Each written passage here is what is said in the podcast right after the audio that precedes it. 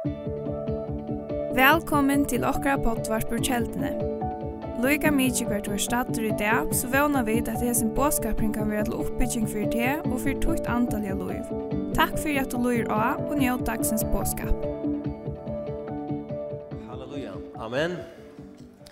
Det er fantastisk å kunne være etter her, og en øyne for å kunne få høve og han framgjør rett og kunne tale Guds år til tycker här det. Ehm if I att börja vi läsa från Markus evangelium kapitel 11, om skilda Markus evangelium kapitel 12. Markus evangelium kapitel 12. Och och det är från vers 6 och 4.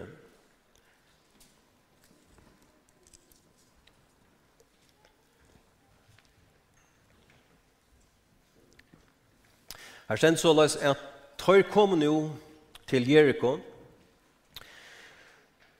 Tåsar om Jesus og lærersveinene der. Og da han får ut ur Jericho, ser man ved lærersveinen så innom nekkomfalske, ser sonur Timius Bartimeus blindur bitter ved veien. Da han hørte at det var Jesus ur Nazaret, for han råpa, Jesus ur Nazaret, Nei, omkyld han, da han hørte at det var Jesus ur Nazaret, for han råpa, sonur Davids, Jesus, miskunna mer. Många hade ätit honom att han skulle tia, men han röpte nek herrar igen, sonar Davids, miskunna mer. Ta stekka Jesus och säger, råp i han här. Ta i röpte oss ur himlinta och sødde vi han, vir horestor, röjs till upp, han råpar till. Ta kasta i han kappan av sig, leipa føtter och kom till Jesus. Jesus tog till åra och säger vi han, kvært vill du att jag ska göra för dig? Himblinde sværa i honom, Rabboni, att jag kan få sjön mina. Jesus sier vi han, fær av sted, trygg tøyen hever frelste. Vi da sema fikk han sjønen atter, og han fyllte i hånden aløy. Halleluja. Nå, vi har en stort søv her, en fragrøying om en blinda mann som sitter ved veien, og han, og i hesen her, i fragrøyingen her, Mar Marskos, så eh, vil han nevne vi navnet, Bartimeus, Og han sider her og byttar ved veien. og Jesus som kommer akkurat, Jesus kommer akkurat ta ut ur Jericho, og han er ved til Jerusalem, som, vi, som framgångur fra vers 8 i neste kapittel. Eh, han kommer fram vi her, og Bartimeus han börjar ropa av Jesus. Jesus, eh, son av Davids, eh, miskunna mer. Og, og følge til, tei røndu at få han å tia, Eh vet som om det var flow av honom på en men tar er rundt og for på en tida, og, og, og, og han råper bare en herre, ja? og Jesus han sier så til enda, hvor skal Jesus steggas sånn, og råpar han til sånn. Og jeg husker meg til verset her, vers 24, da stender ta stekka i Jesus. Ta stekka i Jesus. Og, og jeg husker at her at Jesus, han var henda det inn, det var nekk folk til steder, det var nekk folk som, fyllde honom her, henda inn, og det var nekk folk som færa oss henda veien. Men Jesus stekkar her fyrir at hjelpa øynon manne, øynon blindon bittara som sitter her i veien. Jesus han var av til Jerusalem, og han hei nokkur ting som han skulle gjøre i Jerusalem. Vi kunne si at han hei nekrar uppgaver som han skulle gjøre her. Han er nøkker ørende som han skulle gjøre i Jerusalem. Men allikevel så tog Jesus her stunder til å stegge av og hjelpe en mann her i hans løten her. Og hans medveren var ikke en kjente personer, han var ikke, han var ikke en, en tøyende personer, se i fleste egnom, eh, tja, tja folkene her. Hetta var ein ein fatakur bitar som sett her i vegen som eg kanskje sidig her nek var. Men Jesus stekkar hesa løtna, og Jesus teksar tui til at hjelpa hesa mannen og hesa løtna. Og han kallar han så til sin. Og eg trykk vi at, at akkurat hesa setninger ned er at ta stekka i Jesus. Han er mittel anna, det er mittel anna av de tingene som jeg tykker at vi kunne læra av hesson her, eh, hese frasaken her point. Ehm ter det at vit øsne ui okkara gjeransteie, ui okkara, ta vid er av ve okksan, ta vid hava okkara ørender, okkara oppgavar gjera, at vi øsne kunne teka okkum stunder til at stegga av og hjelpa folkon her og i dyr letta seg opp for jokken, her og vi får møveløyga at vittna for folkon, eller at hjelpa dem en annan hatt, eller bia for tøymon, at vi er åpen og til røyar at stegge av til at hjelpa menneskjon. Øysene slugum kanskje som ånder ikke halda oss negve av. Og til tøyer så kunne hese møveløyga oppstanda på sånne løkna måter, og som kanskje, her vi kanskje ikke ordentlig fenger det på en veien heldur.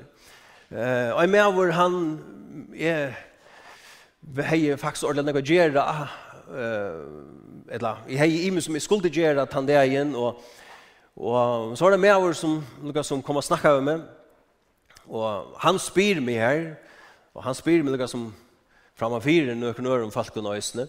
Han spyr, Olav, hver, hver, Hva for bakgrund hever to andalian? Så sier vi han, sier vi han at uh, mamma min, hun kommer fra brøren hon, og pappa min, han kyrkfød. Jeg er ikke kjeltene.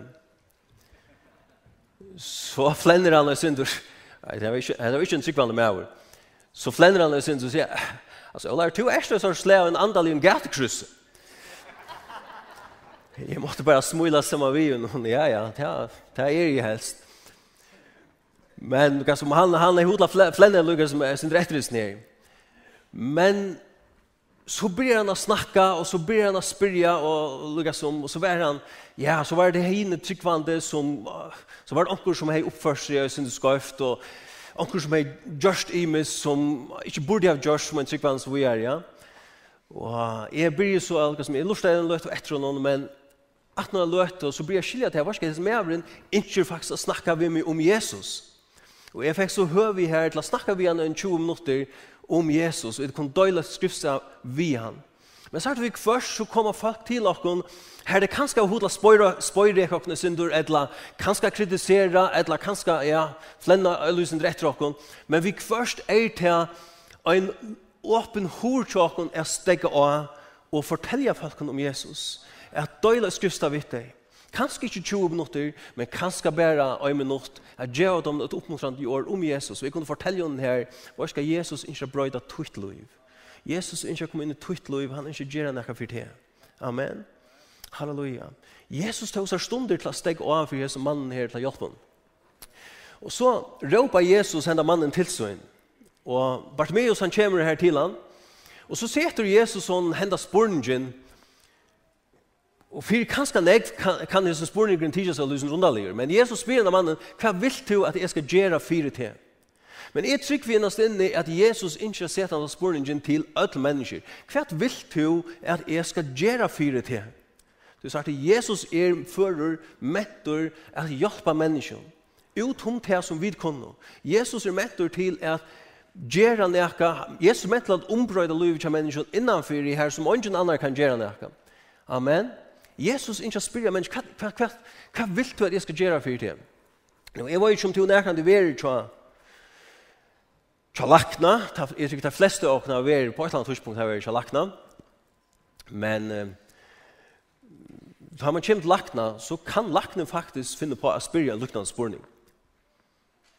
Hva, hva, hva kan jeg gjøre for det er det? Jeg spør, hva vil du skal gjøre for det? Og Min søgna fyrir var ikke lakna, ta han. Jeg finnes ski i ritjen, vi kom til lakna og, og, og, og og lakna etter fyrir noen år sjøene, og jeg, han byr meg så gjerne noen øvelser jeg er nok så cirka på inn og ritjen akkurat ta, jeg er snir, skiene som jeg finnes ikke, han byr meg så gjerne noen øvelser, og så sier han med til, eller hvis du ikke blir fruskor, så måste du fyrir at lakna jeg stand i Luisindur som er spurnartesjen og hyggje på han, og fer jo dachter Luisin som er spurnartesjen, og jeg er jo hodla litt som hyggje på horena, jeg er lakten som er kommet til hilt, var det. Men jeg kom så heim og Lilian spyr meg så, hvordan er Jack? Jo, jeg sier, ja, hva skal jeg? Hvis jeg har fortalt meg til, hvis jeg ikke ble frusk, måtte jeg fære til lakten. Jeg helt var kommet til lakna. Men jeg burde kanskje ha vært i Luisindur mor grøyer, og jeg tar i vel lakna, for jeg var som jeg ville. Nå, jeg var ikke om tiden jeg kan det ha vært til lakna, og lakna borstikon. spørstikken eh, kvärt eh, kvärt eh, du att det ska göra för det. Och du kan och inte ikke særlig. Men kanske är det här som vi men kan göra att vi kommer till Jesus. Så? Kanske bara gjøre akkurst. Ett tror vi att det som Jesus säger här Ta han sier i Bartimeus, hva vil du at jeg skal gjøre for deg? Jeg trykker vi at det er en ligel i hesson da det kommer til å mottakke grøying fra god i øsne. At vi kunne spesifikt sier vi Jesus, Jesus, kanst du hjelpe meg ved Jesus? Kanst du gjøre dette her i min liv? Amen. Jeg tror vi, jeg, jeg tror vi ikke at Eh, det er fullvis roi faktisk at Jesus visste hvert ui Bartimeus yngste henda deg, hvert han ville bi om. Men jeg tror at Jesus ville at Bartimeus skulle uttrykja sitt klart og tydelig av i åren hvert av er som han ville at Jesus skulle gjøre. Amen. At jeg kan få sjøvn mine aktor. Og jeg tror vi tog at hvis vi vet oss er samme hatt og i bøn til vi kommer til Herren, kunne være klar og na grønlig for at er det som du ikke god skal gjøre for det. Jeg kanskje øsne at vi vil oppleve flere ting. Amen. Halleluja. Helt enkelt. Jeg trykker vi at Jesus byr mennesker enda det. Hva vil du at jeg skal gjøre for det? Amen. Jeg trykker at det er en lydgjel til grøying øsne og til bønarsfæren. Nå, Det som ikke tås om i det her, det er ikke så øyne om grøying, eller om bøn, men ikke tås så øyelig synder om identitet, eller om samløyga her i det.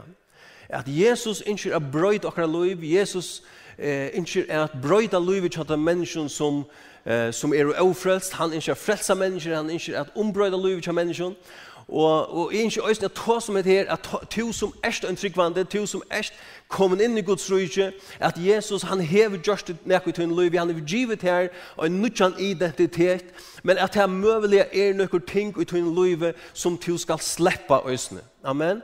Det stender om Bartimeus, er at vers 12 at han kasta i han kappan av seg, og leip av føtter, og kom til Jesus. Nå, jeg tror vi skulle anse etter Ikke er at ivetolka ting, eller detaljer som stand i Bibelen. Eh, jeg tror vi at vi først så, så kan man kanskje gjøre tås om ting kanskje og neua, eller man kan kanskje ivetolka ting som stand i skriftene. Men jeg tror er at det er en årsøk til at Marskos nevner heter vi kappanen, er at Bartimeus kastar kappan av seg til han kommer til Jesus. Så her stod fire Bartimeus, så hei hesen kappen nekka sida. Han hei en, en tøytning i hans løyve. Eh, Bartimeus var en biddare, det vil si at han hever vært en fatakker med over. Hesen kappen hever vært en av hans fav og oknarloden som han har haft her i løyve. Og, og ta ui han fer til Jesus, så er, så er nekk folk kappånd. Og Bartimeus huksar ikkje om til at takka kappan vissar. Han kastar han fra seg, og han fer til Jesus. Nå, hessen kappen her, han hever mittel anna veri vi til at eh, hildi han høytan om nottena til det veri kallt. Og hessen kappen, kan man sija, at, at Bartimeus hever òsne brukt denne kappan, eh, kan man uimynda seg, som nekve biddara gjør det, her han hever lagt denne kappan framman fyrir seg, ta og han bidde. Så at tar folk gav noen penger, så lødde det her peningen ned i kappan, og i stedet for bare at ledgjene gjør noe. Så rent praktisk, så var det nek nemmere sånn å finne pengene rett og ned i kappan. Så hesen kappen heie en tydning for hans, hans tilvære, og hans tryggløyga og øsne. Og han kastar henda kappan av seg. Men jeg tykker vi at det er nekker djupri i hesen øsne. Det er, det er nekker bibli og vimerskjærer som sier til er at hesen kappen ekkjente Bartimeus som ein biddare. Eh, man kunde suttja vi øren åren og av kappan at han var en biddare.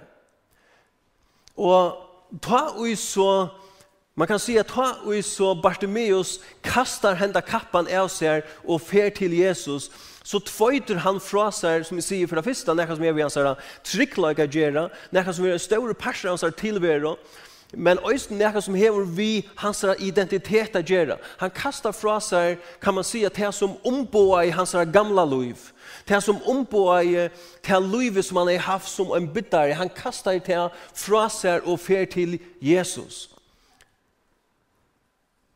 Kanska tog øysten, han var så fullviser i at slipper jeg til Jesus, så veri er grøttur. Kanska heian er så eh så samføringar så fotla vissu i trunne at Jesus kunde hjälpa sig. Amen.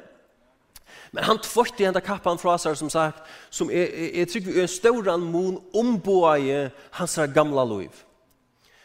Och min spurningur er er det nokkur ting kanska som er ein slygur kappe och i okkara liv som omboar okkara gamla liv på okkara måta som vi skulle släppa? Är det några ting som vi skulle släppa? Som vi skulle kasta från som tryggvande? Amen. Er det noen ting som vi kanskje har borg på i 2020 som vi skulle kanskje släppa i 2021? Noen ting som vi skulle lette litt atanfyr i oss? Noen ting som vi skulle lägga av? Noen ting som vi skulle glömma? Noen ting som, som ja, vi skulle djeva eller, eller frasi okken i okkar løyve. Og at alt som nøkker kanska, som vi sier, heva tørva at tvoida frasar eller leggja av seg, det er kanska nøkker ting som omboa tørra gamla løyv, som heva vi tørra gamla identitet at gjera, nekka som hever knyttet hei til tørra gamla løyv. Kanska hever til tørva at leggja okkar sånne ting fra deg, kveida nøkker sånne ting fra det som binder det til at det gamla liv i her. Amen. Eh, men jeg husker jo øysene om at det kan være øysene nøkker folk.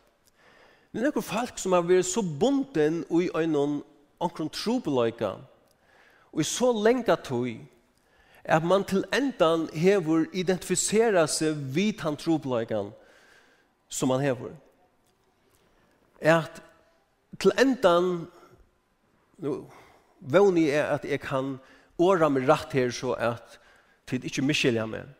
Men folk, noen folk har vært så bunden av en troblag og så lenge tog at det er blivet til min sjuka, min økte, eller som danskaren sier, min angst, eller min alkoholisma. Jo, Jeg ikke hjelp at her, jeg ikke at du skal bli frugjør, at du skal bli frusker og grøtter, at du skal få hjelp fra herren. Men kanskje er her en kappe som du skal tvøyde av her. At du ikke langer identifiserer til vidt han trobløkken som du hever. At det ikke er langer tøynsjuka, eller tøyntrobløk, eller tøynøyte. Og nå tås jeg ikke om til at du skal avnokta verløkken. Verløysen er han som han er. Men god er med til å hjelpe til, god er med til å sette deg i frihøyd. Men sørst du, jeg trykker vi at Bartimeus, han, han måtte tvøyta hente kappan av seg på en eller annen måte. Han måtte lete hente kappan litja. Og det stender at Bartimeus, han fylte faktisk Jesus i aløy. Han får fra hessen her stedet, og han får fra sida ved veien som en biddare, og han fylte Jesus i aløy. Han tvøyta henne kappan fra seg, og fylte Jesusen. Jeg tror vi at flere folk skulle kanskje tvøyta noen ting som vi sier, for det første som ombo at har gamla liv, men kanskje også når det kommer til etter å få hjelp fra herren, er at vi ikke, jeg vet ikke hva man skal si, kjenne eller øye henda trobelagan som vi strujas vi. Jeg kan si, hvor skal jeg er det mer enn dette her? Jeg er det mer enn dette her som er strujast vi. Jeg tvøyde det fra meg og jeg kom til Jesus. Halleluja.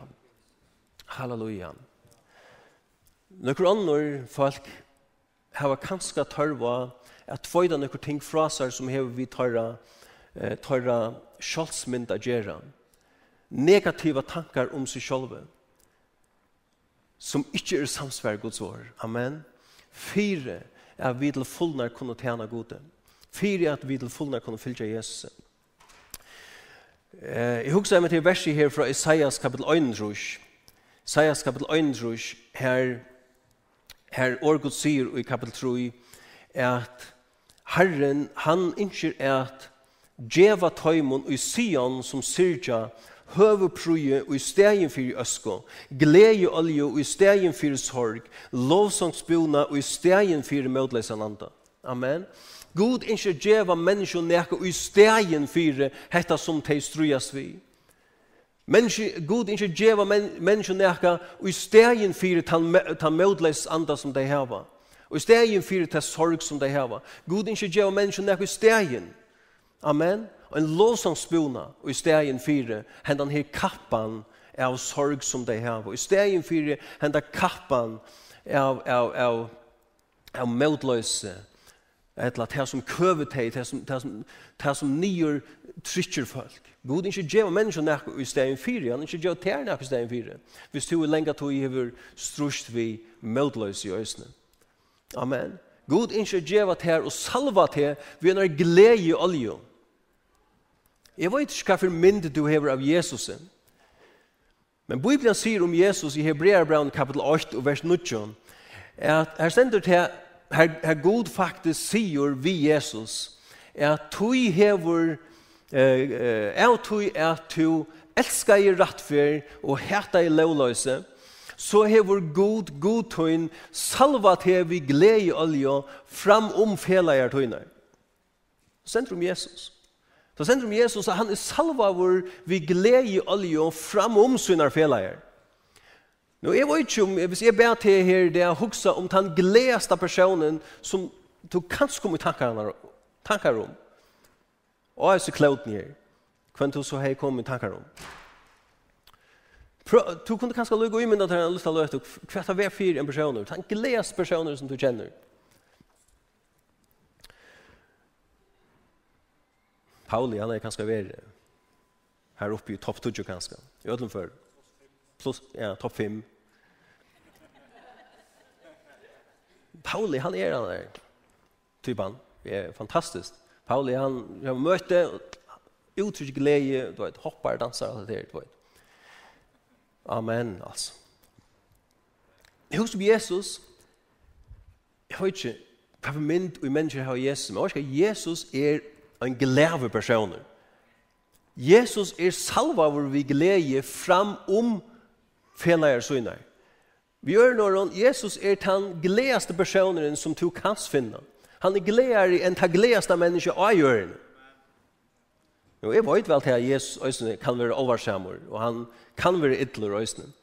Men han er salva vi gleder fram om et ånder. Men la meg også fortelle deg noe annet, og det er til at du kanst få mottaka hesa salvingsna fra Jesus, hesa glede oljena fra honom. Amen. Som kan grøa til, og som kan løysa til fra, fra øyne for motløyse. Amen. Halleluja.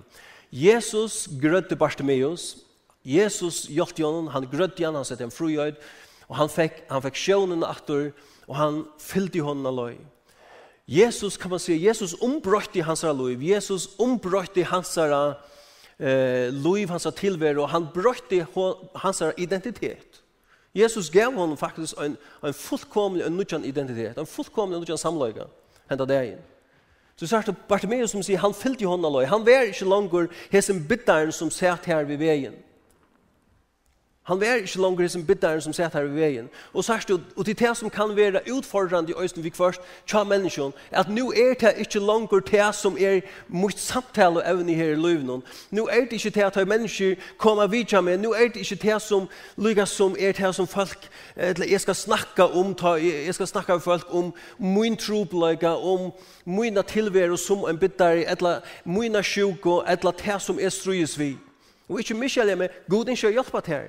Men sagt, er det, kan være tørs først vik først, tja mennesken er kommet bort ur tog, tog man er så bunden av tog tilværende, at, man, man, at det blir til så større en parst kanskje av identiteten. Du sørste jo, bare du med å sende det igjen, på han ble grøtter, han er jo ikke grunn til å sitte langer ved veien her på en. Det er ikke langer hans sære liv. Det er ikke langer en parst av honom. Nå kunne jeg få et arbeids. Amen. Vi kvar skulle vi kasta kanskje noen ting av oss.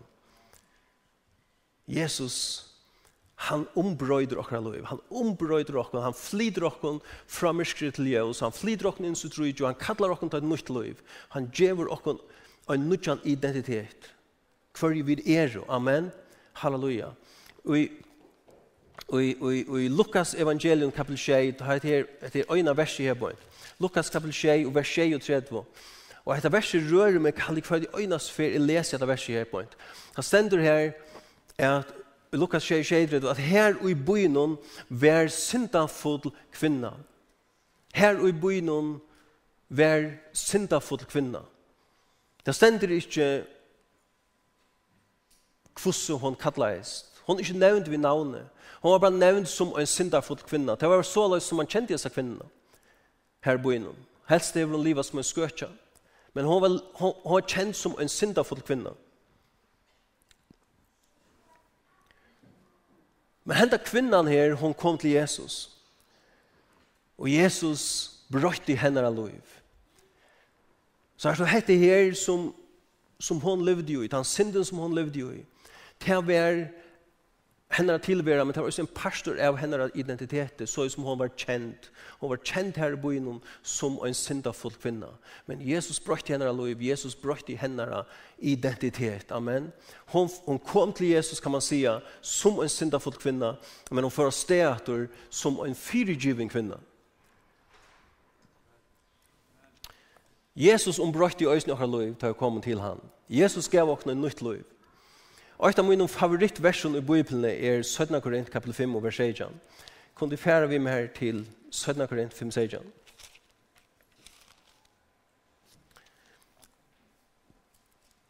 Søtna Korint 5 sejan sier så løs at om du øyn er i Kristus er han nødgjør skapninger. Hitt gamla er færre, ta er våre nødt. Hitt gamla er færre til er våre nøyt. Amen. Hitt gamla luivi er færre til er våre nøyt. Hitt gamla identitet, identiteten, samløygen er færre. Du finner en samløyga i hånden. Amen. Halleluja. Tu erst våren og en skapningur i Kristus. Tu erst et spildur nøyt menneska i hånden. Amen.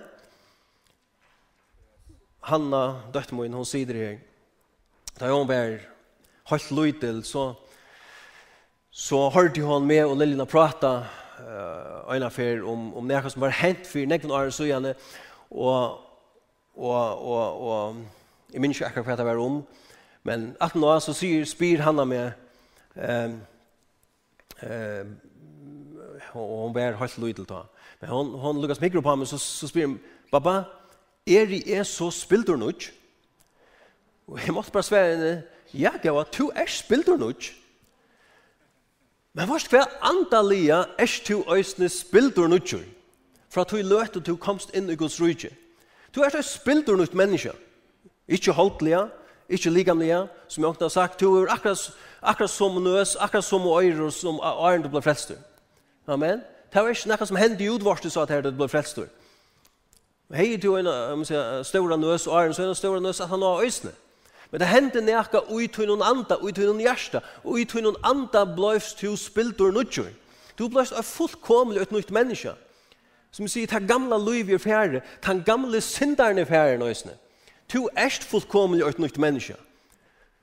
God kjenner ikke ui tuinun luiv fra åren tu blei frelstur. Det er fullkomlig vekk fri honom. Tu erst spildur nudjur. Amen. Amen. Halleluja. Jeg elsker det verset her på. Det er et av mine favorittversene i Bibelen. Du vet, hva som, og jeg tar Jack faktisk noen år at når jeg ble en frelstor, at jeg Jack oppfyrer meg dette verset her på. At jeg var ikke øynens firegiven, som er fantastisk i seg selv, men at jeg er firegiven og nødgjør i Kristus. Amen. Jeg er nødgjør i øynene. Og det setter meg fru i øyd, da jeg begynner å suttja meg sjølvan i ljøsen av hvordan Gud ser meg, hva Guds år sier om meg, det setter meg fru i øyd til å tjene Gud til. Så jeg er, er ikke langer bunden av mine forstå, jeg er ikke langer bunden av fordøming, eh, skuldarkjenslån i ut hei tingene som, som er gjørt i åren, eller som, som er vær åren som en syndare. Amen. Jeg har finnet nytt liv av livet, og jeg kan tjene Gud til. Amen. Og hette her er den gode bådskapen. Hette her er glede bådskapen. Hette er den gode bådskapen til alt hvert menneske. At du kan få et nytt liv i Kristus. Du kan bli fyrirgiven for alle tunne synder. Og du kan bli et nytt menneske i Kristus. Halleluja. Halleluja.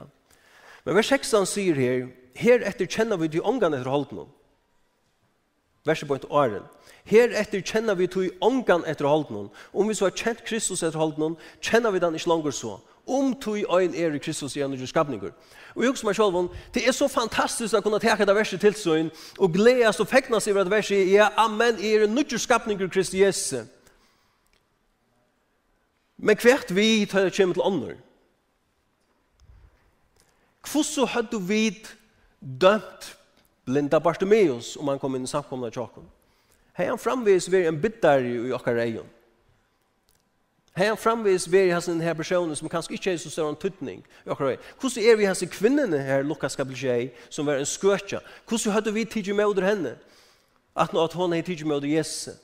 Hadde vi kjent henne etter holden hon, eller hadde vi kjent henne som hon er i Kristus, at hon er et nytt menneske? Hvordan behandler vi mennesker som har tidsi med under Jesus, og som har finnet et nytt liv? døma vi teg framvegis ut fra ta med synden som teg hadde gjørst, og er den. eller suttja vi teg som teg verlig er i Kristus. Og jeg kunne fyrir nevnt nekkar alvorlige synder, så vi da hodla gjøre mona synden. Men hvordan er tjåkon? Kjenner vi Liva vid etter sånn her, vers 16 her, at vi kjenner ikke langer nekkar etter holden. Men etter hver det er i Kristus. Kristus. Sutja vi det så løs. Halleluja. Jeg halde vi gjerra. Jeg halde vi øye gjerra. Amen. Takk Jesus. Halleluja. Halleluja. Vi tar ikke øskriftet rett.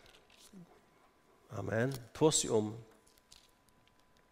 tås om her her okkar identitet for vi vil om. Jeg vet ikke hvordan du sørste selv, men kanskje har vi tog liv åren to og så komst til Jesus, kanskje til Løyberg og lagt av imenskon tingkom. Uh, det kan være av de syndene som det levde jo i, det kan også være av øre menneskene, det kan være av imenskon misbruk og så videre.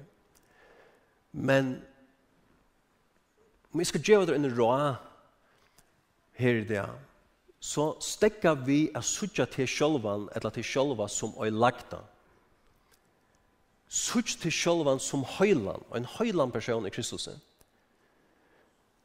Bibelen sier, som jeg siterer her så ofte nå er det, at om to øyn er i Kristus, er han en nødgjør skapninger. Amen. Sutt til sjølvan som høylan og i Kristus. Sørst du alt det som god atleie at du skulle være, det hever han lagt og i Kristus. Det er og i Kristus. Kristus alt det som Gud atleie at du skulle være. Det er ui Kristus. Og om du erst hur møter Jesus som din herre og frelser, at du ivergivet til lov til han, så erst du ui Kristus. Og det er alt ui honom. Det er alt ui honom. Bibelen sier i 1. Johans brev kapitel 8, vers 1, men liva vid ljósnum, altså han er ljósnum, så har vi samfunnet for vi annan, og blå Jesus er sonar hansara, rønsar okkom fra allar synd. Og har vi kom til Jesus, som sier, så blir vi et nytt menneske. God gjør det okker innere menneske nytt. Og han rønsar okkom fra allar synd. Og vi var som med her, at vi er her til sørst, at ta og vid vi sier tætje en minn til på en. Hvis du får under brus, så, så leter du til ur ta imot skitten og klævene og to tvøyder til skittne klæene fra ter. Og at det er bare med oss, han tvøyder kappen fra seg. Men Bibelen tåsa faktisk også om, med landa i, i, i, i Fyra kapitel 2, til at letja av noen ting.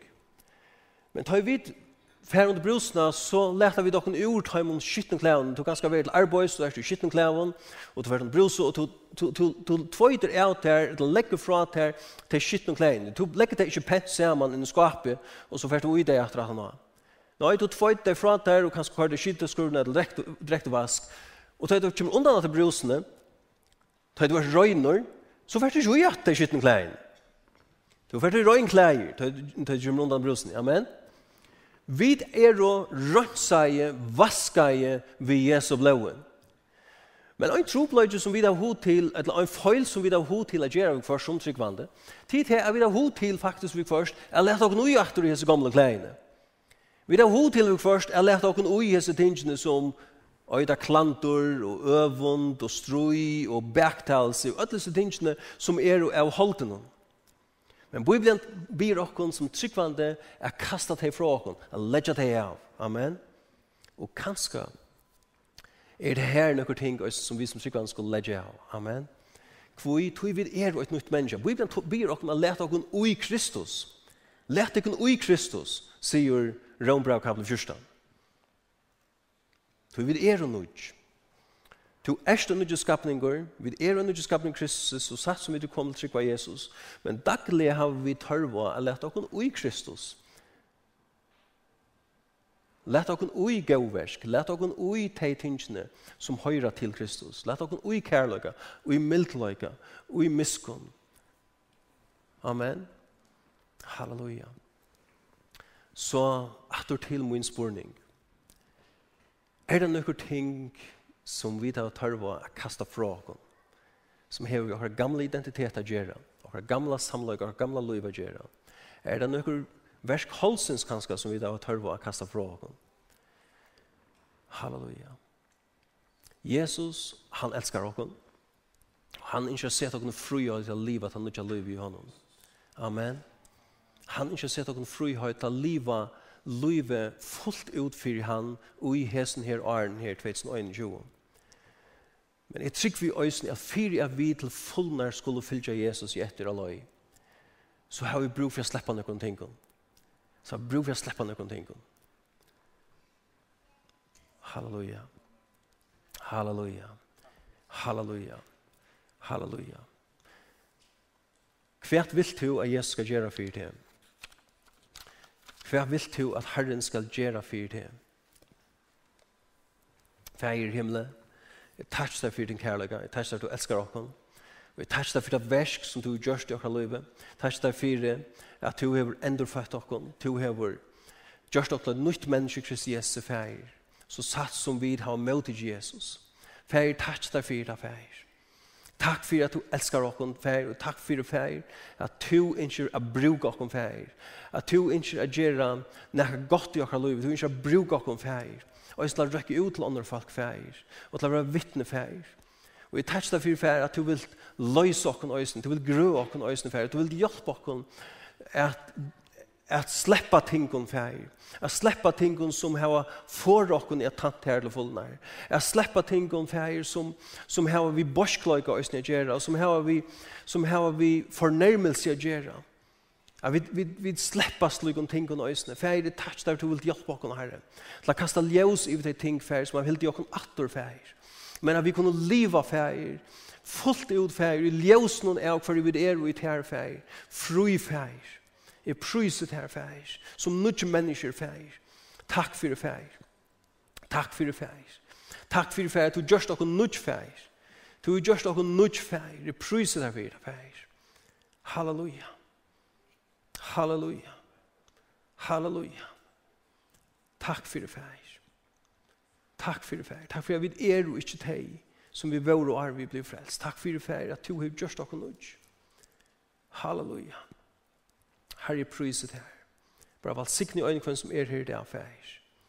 Og i Jesu navn fær. Og be fær om at tog det år fær framhaldande färger ska upplysa och görs och färger. Att tvitt år var framhaldande ska bara uppenbara och görs och herre. Kvörje vid er och i tär herre. Och i Jesu namn och färger. Amen.